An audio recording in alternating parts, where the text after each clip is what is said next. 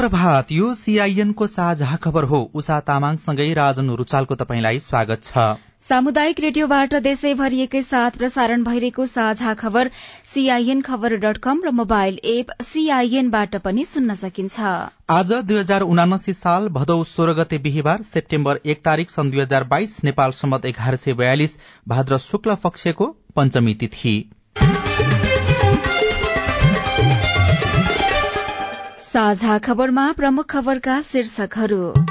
महाभियोग सिफारिश समितिमा निलम्बित प्रधान न्यायाधीश जबराको जवाफभन्दा धेरै आरोप बयान आज पनि चल्ने राष्ट्रिय सभाको विधायन समितिबाट नागरिकता विधेयक जस्ताको त्यस्तै पारित।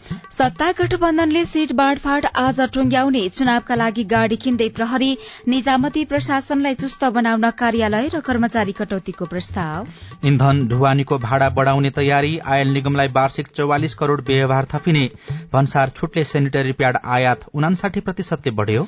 पाकिस्तानमा बाढ़ी पछि पानीजन्य रोगहरू फैलियो। चीनको सिन्जियाङ प्रान्तमा गम्भीर मानवाधिकार उल्लंघन भएको राष्ट्र संघको दावी अमेरिकामा मानिसको आयु झण्डै तीन प्रतिशतले घट्यो। र हङकङलाई चालिस रनले हराउँदै भारत एसिया कप क्रिकेटको अन्तिम चारमा आज श्रीलंका र बंगलादेशले खेल्ने।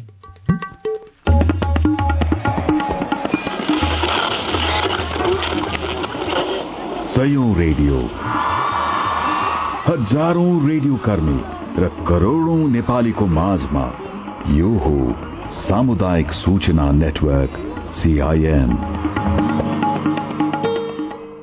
साझा खबरको सबैभन्दा शुरूमा महाभियोग सिफारिश समितिमा निलम्बित प्रधान न्यायाधीश जबराको जवाब सम्बन्धी प्रसंग महाभियोग प्रस्ताव दर्ता भएपछि छ महिनादेखि निलम्बित प्रधान न्यायाधीश सोलेन्द्र शमशेर जबरासँग प्रतिनिधि सभाको महाभियोग सिफारिश समितिले बयान लिन शुरू गरेको छ। आफ्नो प्रतिरक्षा गर्ने अवसरलाई सदुपयोग गर्नुको सट्टा जबराले सहकर्मी न्यायाधीशहरू बारका पदाधिकारी तथा दलका नेताहरूलाई दोषारोपण गरेर पहिलो दिनको चार घण्टा बिताउनु भएको छ। उहाँमाथिको बयान केही दिन लम्बिने देखिएको छ। निर्धारित समयअनुसार बुधबार हिजो एघार बजे नै समितिको सिंहदरबार स्थित कार्यालय पुग्नुभएका जबरालाई करिब पौने दुई घण्टा सचिवालयमा कुराएर बयान शुरू गरिएको थियो।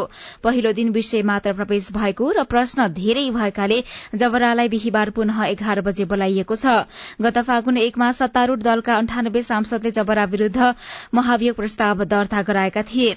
प्रतिनिधि सभाले यो प्रस्तावलाई प्रक्रियामा लगेर टोंग्याउनुको सट्टा थाहै नपाए जस्तो गरेको थियो। छ महिनापछि गत साउन बाइसमा सभामुख अग्नि सापकोटाले प्रस्ताव महाभियोग सिफारिश समितिमा पठाएपछि पनि समिति निष्क्रिय जस्तै थियो। भदौ एकमा पहिलो बैठक बसेकोमा समितिले भदौ आठमा भने कार्यतालिका बनाउँदै बाह्र दिनमा प्रतिवेदन सदनमा बुझाउने तयारी गरेको छ। जबकि यस्तो प्रतिवेदन तयार पार्न नै समितिलाई तीन महिना समय हुन्छ। आगामी भदौ बीससम्म सदनमा प्रतिवेदन बुझाउने कार्यतालिका अनुसार समितिले भदौ नौदेखि बाह्रसम्म जबरा विरूद्ध प्रमाण माग गरेको थियो। बयान दिने क्रममा उहाँले आफ्नो नेतृत्वको संवैधानिक इजलासले गत वर्ष असार अठाइसमा गरेको परमादेशकै कारण अहिलेको सरकार बनेकाले गठबन्धन दलहरूले आफूमाथि महाभियोग ल्याउनु जायज नहुने टिप्पणी गर्नुभयो। नेपालमा प्रधान न्यायाधीशलाई महाअभियोग लगाएर प्रश्न सोधिएको यो पहिलो घटना हो। जबराले सोधिएका त्रिचालिस प्रश्न मध्ये चारवटाको मात्रै उत्तर दिनुभएको छ। बाँकी प्रश्नको जवाफ उहाँले आज दिनुहुनेछ। उहाँले आफू विरूद्ध लगाइएका आरोपको बचाउ मात्रै गर्नु भएन। उल्टै राजनैतिक दलका नेता नेपाल बार एसोसिएशन र सर्वोच्च बारका पदाधिकारीलाई दोषारोपण पनि गर्नुभयो। महाअभियोग सिफारिश समितिले लिखित प्रश्न सोध्नु अघि जबराले सत्ता गठबन्धनदेखि सर्वोच्च अदालतका न्यायाधीश र बार पदाधिकारीमाथि गम्भीर आरोप लगाएको। समितिका समितिका सदस्य समेत रहनुभएका कांग्रेस सचेतक मीन विश्वकर्माले जानकारी दिनुभयो। अभियोगको सवालमा चाहिँ उहाँले यो अभियोग किन दिलो छलफलमा आयो भन्ने सम्मको जिज्ञासा उहाँले राख्नु भएको छ र अरू बाँकी प्रश्नहरूमा उहाँले आफ्नो तर्फबाट जवाफ दिने क्रम जारी छ। सँगसँगै उहाँले फेरि पनि महाभियोगमा उल्लेखित अभियोगहरूका बारेमा सफाईका आधारहरू प्रस्तुत गर्ने क्रम जारी छ। उहाँको भनाइ के थियो भने राजनैतिक रूपले नियुक्ति भएका न्यायाधीशहरूका कारणले गर्दा मैले एक मतले निर्णय गर्न सकेन र त्यसमा स्वविवेकीय अधिकार हुन्छ भन्नुभयो। हामीले प्रति प्रश्न गर्यौं संविधानको धारा एक सय छत्तीसले न्यायपालिकामा भएका सबै निर्णयहरूको जिम्मेवारी प्रधान न्यायाधीशले लिनुपर्छ। तपाईँ लिनुहुन्छ कि लिनुहुन्न? भनेर सोद्धा लिन त पर्छ म लिन्छु। लिएकै छु तर मैले बोल्ने क्रममा भनेको मात्रै हुँ भन्नुभयो। र उहाँले आफ्नो प्रतिरक्षा गर्ने क्रममा केही कुराहरू सीमाभन्दा बाहिर गएर पनि राख्ने कोसिस गर्नुभएको छ। जबराले आफूमाथि महाअभियोग लगाइनुको मुख्य कारण ललिता निवास प्रकरणमा फैसलाको मिति तोक्नु रहेको दावी गर्नुभएको छ। उहाँले आफूले कार्तिक पन्ध्र गते ललिता निवास प्रकरणमा अन्तिम फैसला सुनाउने मिति तोकेपछि नै सत्ता पक्षले महाभियोग लगाउने रणनीति तय गरेको पनि दावी गर्नुभएको छ। तत्कालीन प्रधानमन्त्रीहरू माधव कुमार नेपाल र डाक्टर बाबुराम भट्टराई मुछिएको बालवाटर स्थित ललिता निवासको सरकारी जग्गा व्यक्तिका नाममा लैजाने मन्त्री परिषद निर्णयका आधारमा सम्बन्धित प्रधानमन्त्रीलाई पनि मुद्दा चलाइनुपर्ने माग गरिएको थियो। जबराले आफूमाथिको महाभियोग प्रस्ताव प्रतिनिधि सभा पुनर्स्थापना र नयाँ सरकार गठनसँग पनि जोड्नु भएको छ। उहाँले प्रतिनिधि सभा पुनर्स्थापना गरेर आफूले निकै ठूलो गल्ती गरे जस्तो ठानिएको बताउनुभयो। उहाँले कार्यवाही गर्दा पुनर्स्थापनाको फैसलामा सहभागी पाँचैजना माथि गर्नुपर्ने तर आफूमाथि मात्रै महाभियोग प्रस्ताव दर्ता गर्नु सुनियोजित भएको टिप्पणी पनि गर्नुभयो। राष्ट्रिय सभाको विधायन समितिले नागरिकता विधेयकलाई जस्ताको तस्तै पारित गरेको छ। समितिका सदस्यहरूको बहुमतले कुनै संशोधन बिना विधेयक पारित गरेको हो। विधायन समितिमा पन्ध्रजना सदस्य रहेका छन्। उनीहरूमध्ये एमालेका तीनजनाले फरक मतका रूपमा छुट्टै प्रस्ताव राखेका थिए। यसै गरी स्वतन्त्र हैसियतका खिमलाल देवकोटा र विमला राई पौडेलले पनि फरक मत दर्ज गर्नुभएको छ। तर बाँकी दसजना सदस्यहरू यथास्थितिमा विधेयक पारित गर्नुपर्ने पक्षमा उभिए जसका कारण विधेयक जस्ताको त्यस्तै पारित भयो।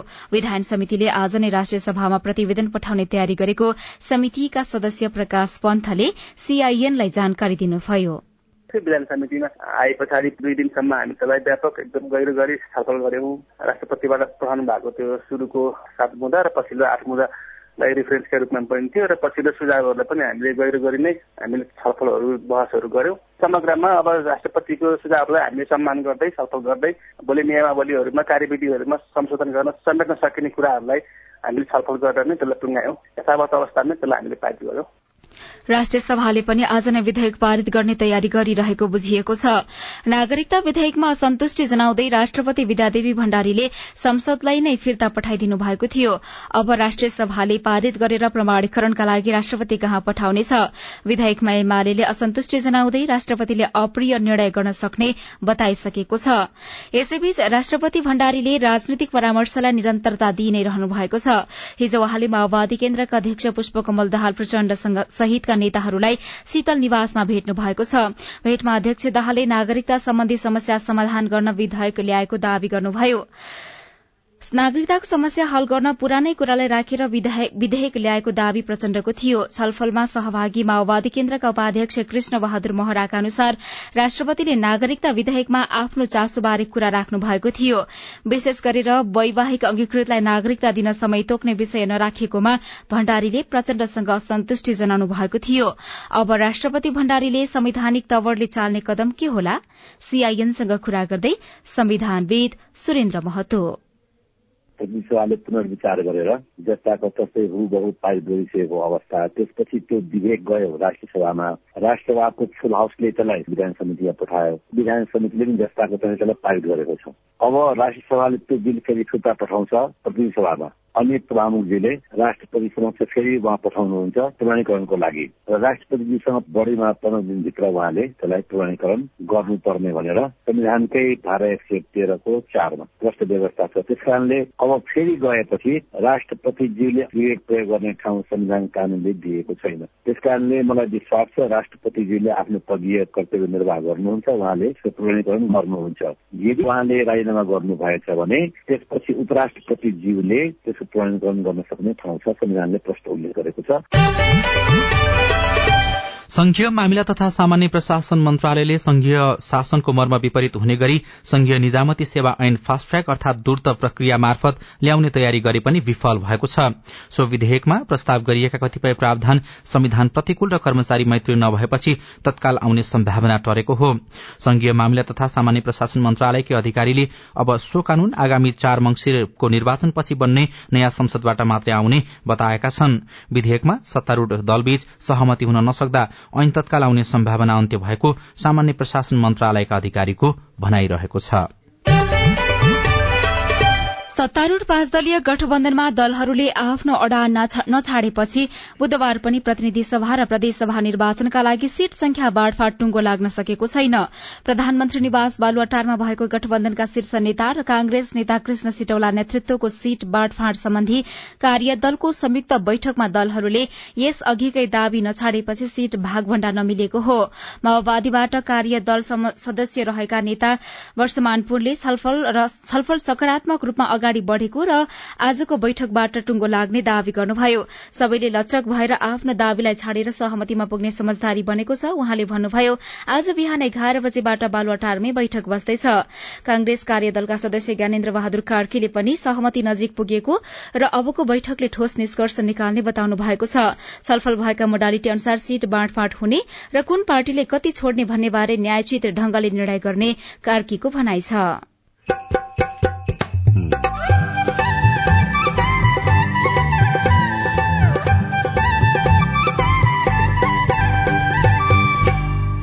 सामुदायिक सूचना नेटवर्क सीआईएन मार्फत देशभरि प्रसारण भइरहेको साझा खबरमा भिजिट भिसाका नाममा खाड़ी मुलुक गएकाहरू किन फर्किँदैनन्? कम्पनीको भिसा आउँदैन टुरिस्ट भिसामा जाऊ कम्पनीले उता काम सेटल गरिदिन्छ। जस्तो भने पर्यटक भिसाको उद्देश्य भन्दा विपरीत हिसाबले जानेहरू पनि छन् कि भन्ने हाम्रो अनुमान र विश्लेषण रहेको छ। चुनावका लागि गाड़ी किन्दै प्रहरी इन्धन ढुवानीको भाड़ा बढ़ाउने तयारी आयल निगमलाई वार्षिक चौवालिस करोड़ व्यवहार थपिने लगायतका खबर बाँकी नै छन्। सीआईएनको साझा खबर सुन्दै गर्नुहोला।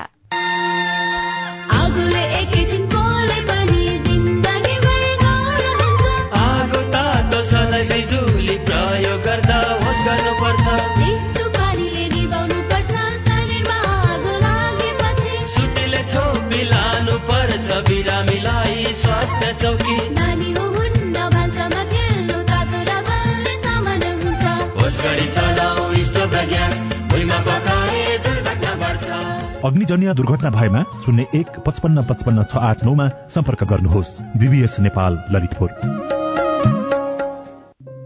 मम्मी खाजा। मम्मी मेरो होमवर्क गर्ने कापी। बुहारी एकदम खुट्टा दुख्यो। बुहारी चिया खान मन लागेको थियो। बुढी कपडा मैलो भएछ। अरे मेरो परिवार।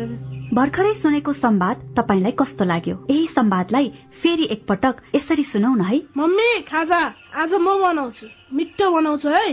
मम्मी मेरो होमवर्क गर्ने कापी मैले खोजिसके। अब म होमवर्क गर्छु। बुहारी एकदम खुट्टा दुख्यो। छोराले तेल तताएर लगाइदिएपछि अलि आराम भयो। बुहारी चिया खान मन लागेको थियो। सबैको लागि बनाएको छु। आऊ सबैजना खान। बुढी कपडा मैलो भएछ। घर नि कस्तो फोहोर। कपडा धोएर भ्याए। अब घर सफा गर्छु। कोरोनाको महामारीबाट बस्न पनि त सरसफाई जरुरी छ नि। आहा मेरो परिवार। तपाईँलाई दोस्रो संवाद कस्तो लाग्यो? पक्कै राम्रो लाग्यो। हो तपाईँ हामी बीच जिम्मेवारी बोध भयो भने एक अर्का बीचको निकटतालाई अझ राम्रो बनाउन सकिन्छ। बाढी चोडी जिम्मेवारी परिवारमा समझदारी।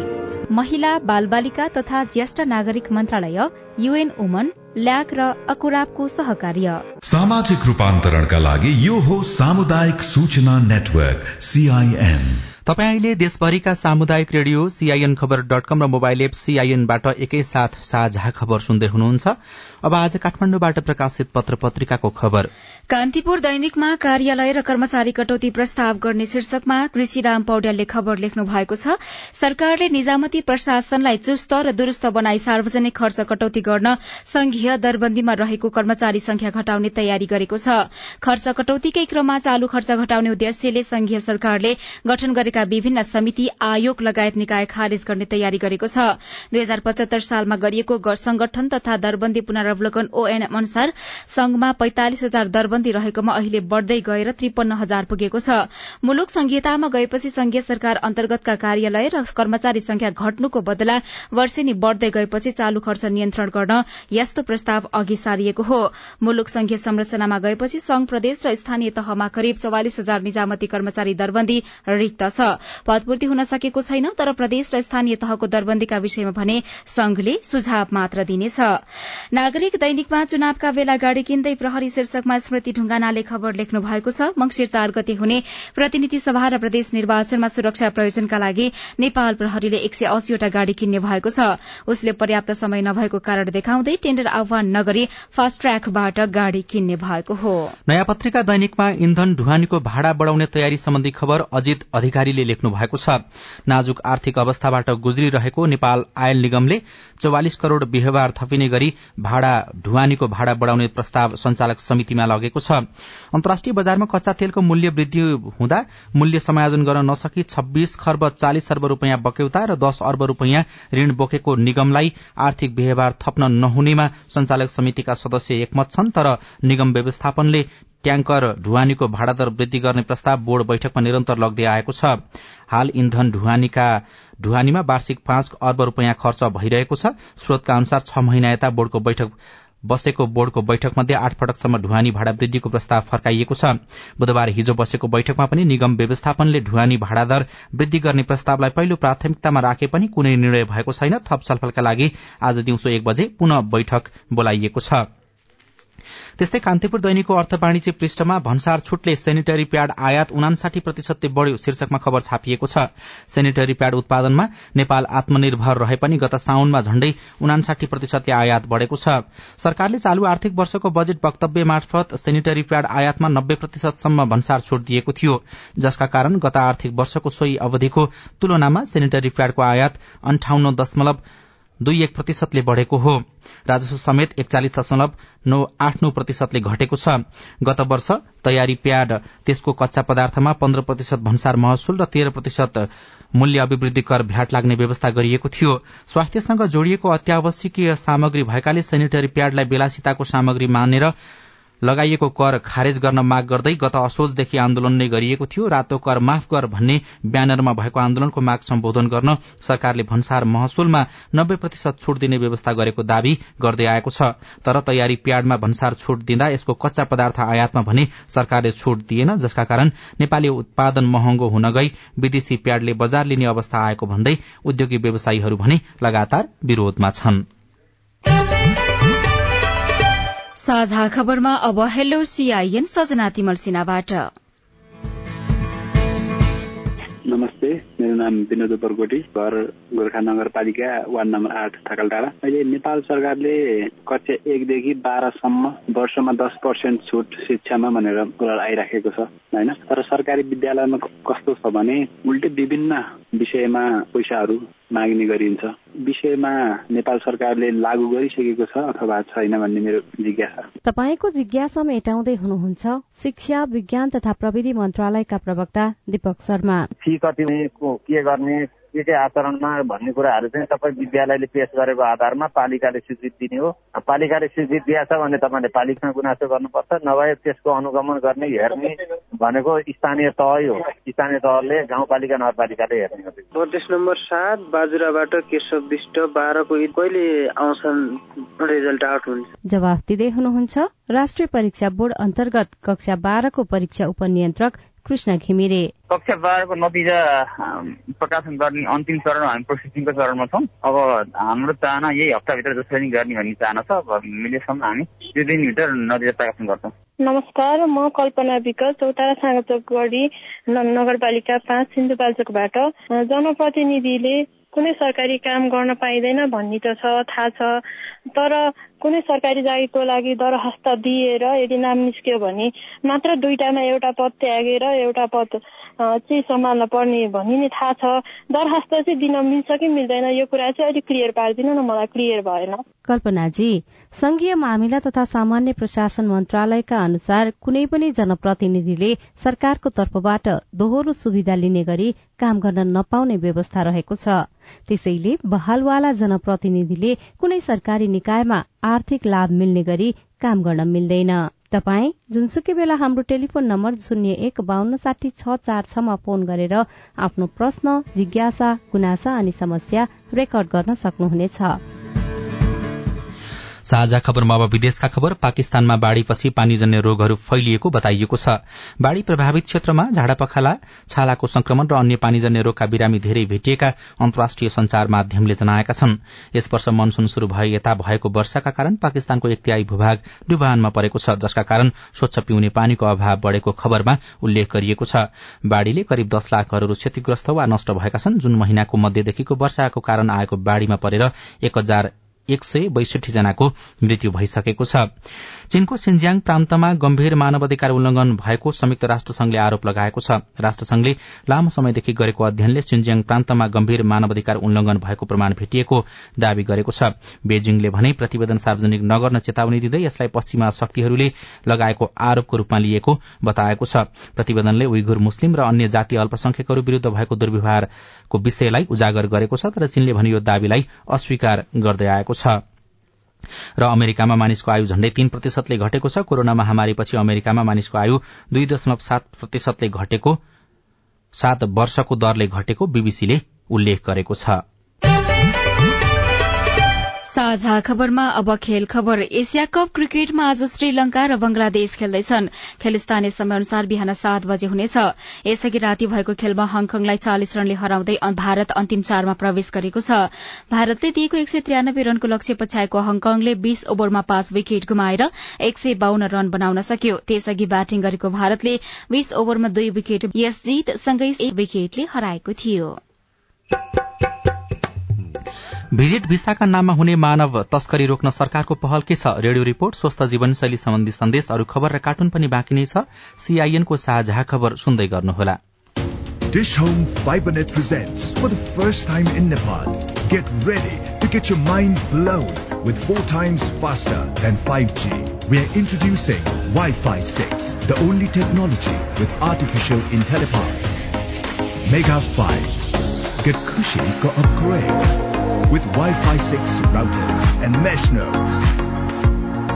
Mega 5 खुशी को upgrade dish home fibernet Nepal टेलिकमको सूचनाको संसार होइन के सुनेको यस्तो ध्यान दिएर दोहोरो बोलेको जस्तो नै देख्दिन। तीन दुई एक शून्य शून्य क्या? तीन दुई एक शून्य शून्य? के हो त्यो भने? बुझिन त। ल सुन एनटिसी प्रयोगकर्ताहरूले आफ्नो मोबाइल तथा ल्यान्डलाइनमा तीन दुई एक शून्य शून्य डायल गरी समाचार रेडियो कार्यक्रम खेल र अन्य विषयबारे सन्देशहरू जुनसुकै बेला निशुल्क सुन्न सक्छन्। ओहो निशुल्क? कस्तो सजिलो। समाचार सुन्न छुट्यो भनेर पिर लागेको थियो। अब त म पनि सुनिहाल्छु। कति रे? तीन दुई एक शून्य शून्य। सामाजिक रूपान्तरणका लागि यो हो सामुदायिक सूचना नेटवर्क सीआईएन साझा खबरमा अब भिजिट भिसाको नाममा हुने मानव तस्करीको प्रसंग। सरकारले पर्यटन भिजामा विदेश गएर अलपत्र हुने अवस्थालाई निरुत्साहित गर्न भिजामा कडाई गरिएको बताएको भए पनि पछिल्लो छ महिनामा मात्र त्रिपन्न हजार चौन्न जना पर्यटन भिजामा खाड़ी मुलुक गएका छन्।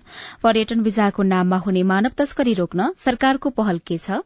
सर्लाहीका राजपुर शाहका उन्नाइस जना आफन्त पर्यटन भिसामा दुवै गएका छन्। पाँच महिना अघि दुवै पुगेका उनीहरूको फर्किने कुनै योजना छैन। उनीहरू मध्ये चारजनाले उतै काम गर्न शुरू गरिसकेका छन् भने बाँकी काम पाउने आशमा उतै रहेका छन्। कम्पनीको भिसा आउँदैन टुरिस्ट भिसामा जाऊ कम्पनीले उता काम सेटल गरिदिन्छ। जस्तो भन्यो त्यो सर्लाहीको पनि धेरैजना मान्छे छ। कम्तीमा मान्नु न पन्ध्र बिसवटा मान्छे छ। महोत्तरी बर्दिवासका कुमार श्रेष्ठ पनि पर्यटन भिसामा नै खाड़ी मुलुक जानु भएको थियो। भिसा घुम्नको लागि भए पनि उहाँको उद्देश्य काम गर्ने हो। तर यसरी पुगेका नेपालीलाई विदेशमा सहजता छैन। काम चाहिँ नपाइने चाहिँ नाइन्टी नाइन पर्सेन्ट चार्ज हुन्छ त्यसमा। एउटै रुममा सत्र अठारजना मान्छे बसिरहेको छ होइन। दुई लाख अढाई लाख तिरेर हामी आएको भिसामा यो काम त्यो काम पाइन्छु भन्यो भने तर अल्पत्र परिरहेको कोही एयरपोर्टबाट अल्पत्र परिरहेको हुन्छ कोही रुममा पुगेपछि अल्पत्र परिरहेको हुन्छ। पहिलो कुरा त हामीसँग स्किल पनि हुँदैन। अब यहाँबाट चाहिँ यो काम लाइन्छु त्यो काम लाइन्छु भनेर पठाइन्छ। उहाँ गएपछि चाहिँ त्यस्तो हामीले सोचे जस्तो हुँदैन। पछिल्लो समय खाड़ी मुलुकहरूमा पर्यटन भिसा लिएर रोजगारीमा जाने र त्यहाँ पुगेपछि काम नपाएर अलपत्र परेका गुनासाहरू धेरै आइरहेको वैदेशिक रोजगार विभागले जनाएको छ। पर्यटन भिसामा जाँदा श्रम स्वीकृति लिएर जानु पर्दैन जसका कारण यो विभागको कार्यक्षेत्रभित्र पर्दैन।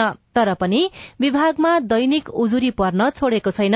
विभागका निर्देशक डम्बर सुनवार। भिजिट भिसा मार्फत नेपाली विभिन्न श्रम गन्तव्य मुलुकतिर जानुभएको र उहाँहरू त्यहाँ अलपत्र पर्नु भएको उजुरी साथ विभागमा आउनुहुने त्यो बिस्तारै बढ्दै गएको अवस्था हो। तर उहाँहरूले भिजिट भिसामा जानुभयो तर श्रमिकै रूपमा जानुभएको प्रमाणहरू चाहिँ त्यहाँ पाइँदैन। अनि हामी ठग्यौँ भन्ने विषयमा हामीले त्यसलाई कहीँ कतै उहाँहरूले पेश गरेका प्रमाणहरूमा भिजिट विषयमा चाहिँ जानुभएको हो। तर त्यहाँ श्रमिकको रूपमा तपाईँलाई पठाउँछु है भन्ने काहीँ केही प्रमाणहरू भएको अवस्थामा हामीले ठाडो उजुरी लिने गरेका छौँ। अध्यागमन विभागको तथ्याङ्क अनुसार पछिल्लो छ महिनामा पर्यटन भिसामा त्रिपन्न हजार चौवन्न जना खाड़ी मुलुक गएका छन् जसमा गत वैशाख यता मात्रै सत्र हजार तीन सय चौसठी नेपाली दुवै गएका छन्। यसरी गएका नेपालीहरू अधिकांश फर्केको पाइँदैन। जाँदा प्रक्रिया पुर्याएरै जाने तर उता अलपत्र पर्ने हुँदा यसलाई नियन्त्रण गर्न नसकिएको विभागका निर्देशक तथा सूचना अधिकारी अञ्जन न्यौपाने बताउनुहुन्छ। पर्यटक भिसाको उद्देश्य भन्दा विपरीत हिसाबले जानेहरू पनि छन् कि भन्ने हाम्रो अनुमान र विश्लेषण रहेको छ। गृह मन्त्रालय र अध्ययन विभागको पनि यसमा ठूलो ध्यान आकर्षण भइ नै रहेको छ। यसलाई व्यवस्थित गर्नको निमित्त यो भिजिट भिसा भन्नुहोस् अथवा टुरिस्ट भिसामा जाने व्यक्तिहरू जोखिममा नपरुन् भन्ने हिसाबले उहाँहरूलाई व्यवस्थित गर्नको निमित्त सरकारले यो दुई हजार अठहत्तर सालको फागुन महिनामा सोह्र बुँदे एउटा निर्देशिका पनि जारी गरेको छ। दुई हजार अठहत्तर फागुन सत्ताइस गते पर्यटन भिसा सम्बन्धी कार्यविधि जारी भई भिसा पुनः खुला भएपछि यसरी खाड़ी मुलुक जानेको संख्या बढ़ेको छ। पर्यटन भिसामा सबैभन्दा धेरै नेपाली युएई र कुवेत जाने गरेको देखिएको छ। आफै यसरी जाने र अलपत्र पर्ने क्रम बढ़ेपछि सरकारले कड़ाई गरिरहेको छ। श्रम रोजगार तथा सामाजिक सुरक्षा मन्त्री शेरबहादुर कुंवर। अत्यन्त एकदमै आँखै चिम्लेर पैसा तिर्ने आँखै चिम्लेर जाने प्रवृत्तिको विकास भएको छ। यी समस्याहरू आएका छन् र यी समस्याहरू अब आइसकेपछि हाम्रो मन्त्रालय अन्तर्गत रहेन भनेर मात्र हामीले उम्किन मिल्दैन। हामीले राष्ट्रसँग र गृह मन्त्रालयसँग पनि समन्वय गरेर अगाडि बढ्नुपर्ने हुन्छ। आज मात्र पनि हाम्रो ध्यान आकर्षण भएको छ मन्त्रालयको। सरकारले पर्यटन भिसामा विदेश पुर्याई अलपत्र बनाउने वैदेशिक रोजगार व्यवसायी वा एजेन्टलाई कार्यवाही गर्ने बताए पनि कार्यान्वयन नहुँदा नेपालीहरू ठगीमा परिरहेका छन्। सुशीला श्रेष्ठ सीआईएन काठमाडौँ। रिपोर्टसँगै हामी साझा खबरको अन्त्यमा आइपुगेका छौं। सामुदायिक रेडियो प्रसारक संघद्वारा संचालित सीआईएनको बिहान छ बजेको साझा खबर सक्नु अघि तपाईँको स्वस्थ जीवनशैलीसँग जोडिएको एउटा सन्देश। योग गर्नुका फाइदाहरू के के छन्? योगका धेरै फाइदाहरू छन्। जस्तै यदि निरन्तर योग गर्नुहुन्छ भने तपाईँले आज योग सुरु गर्नुभयो भने त्यो योगको चाहिँ एकछिन पछाडि नै तपाईँले फाइदाहरू लिन सक्नुहुन्छ। योग सुरु गरेको केही दिन पश्चात नै मानिसहरूको मस्तिष्कको कर्ममा सुधार हुन्छ। तनाव व्यवस्थापन गर्न सक्ने हुन्छ। त्यो चञ्चल चित्तलाई एकाग्रतातर्फ उन्मुख गराउन सक्छ र शारीरिक रूपमा लचकता बनाउन सक्छ र योग गरेको केही महिना पश्चात घाँटी तथा ढाडको दुखाइमा कमी आउन सक्छ। फोक्सोको कार्यक्षमतामा सुधार हुन्छ। पाचन प्रक्रिया एकदम राम्रो हुन्छ। रक्तचाप सन्तुलनमा हुन्छ। यति मात्र होइन मान्छेको शान्त चित्त तथा सन्तुलित मन बनाउनलाई एकदम राम्रो गर्छ। चिन्ता क्रोधमा एकदम नियन्त्रण हुन्छ। कविराज विमल श्रेष्ठसँगको कुराकानीमा आधारित यो सन्देशसँगै साझा खबरमा मुख्य मुख्य खबर फेरि एकपटक। महाभियोग सिफारिश समितिमा निलम्बित प्रधान न्यायाधीश जबराको जवाफभन्दा धेरै आरोप आज बयान आज पनि चल्ने राष्ट्रिय सभाको विधायन समितिबाट नागरिकता विधेयक जस्ताको त्यस्तै पारित। सत्ता गठबन्धनले सीट बाँडफाँड आज टोंग्याउने चुनावका लागि गाड़ी खिन्दै प्रहरी निजामती प्रशासनलाई चुस्त बनाउन कार्यालय र कर्मचारी कटौतीको प्रस्ताव। इन्धन ढुवानीको भाडा बढ़ाउने तयारी आयल निगमलाई वार्षिक चौवालिस करोड़ व्यवहार थपिने भन्सार सुटले सेनिटरी प्याड आयात उनासाठी प्रतिशतले बढ़्यो। पाकिस्तानमा बाढ़ीपछि पानीजन्य रोगहरू फैलियो। चीनको सिन्जियाङ प्रान्तमा गम्भीर मानवाधिकार उल्लंघन भएको राष्ट्रसंघको दावी र हङकङलाई चालिस रनले हराउँदै भारत एसिया कप क्रिकेटको अन्तिम चारमा। साझा खबरको अन्त्यमा कार्टुन लिएका छौं कान्तिपुर दैनिकबाट। गजब छ बा शीर्षकमा अविनले बनाउनु भएको कार्टुन छ। यहाँ गठबन्धन भनेर देखाइएको छ। त्यहाँ भित्रपट्टि बैठक चलिरहेको छ। घम्सा घम्सी चलिरहेको छ। बाहिरपट्टि एकजना नेता भने देखिएका छन्। खास गरी गठबन्धनले सीट बाँडफाँडको विषयलाई टुङ्गो लगाउन सकेको छैन। त्यसको कारणको रूपमा चाहिँ संख्या भन्दा धेरै उम्मेद्वारहरू देखिएको भनेर भनिएको छ। सबैले दावी त्यसरी गरिरहेका छन्। बाहिरपट्टि एउटा सहचालकलाई तान्दै गरेका नेता देखिन्छन्। सहचालकले चाहिँ कोचा कोच गरेर मान्छेलाई गाड़ीमा कोचिरहेका छन्। उनी त्यसरी व्यवस्थित तरिकाले गाड़ीभित्र धेरै मान्छेलाई अटाउन सक्छन् अनि ती नेताले चाहिँ सहचालकलाई यसो भन्दैछन् ए भाइ ए भाइ एकछिन भित्र जाम न। उता एक सय पैंसठी सिटमा पनि दुई सय चान्चुन जतिलाई अटाइदिनु पर्यो क्या लौ न। हवस् त प्राविधिक साथी सुनिल राज भारतलाई धन्यवाद। अहिलेलाई राजन रुचाल र उषा तामाङ विदा भयौं। तपाईँको आजको दिन शुभ होस्। नमस्कार। यसपछि देशभरिका सामुदायिक रेडियोबाट कार्यक्रम साझा आवाज प्रसारण हुनेछ। सुन्ने प्रयास गर्नुहोला।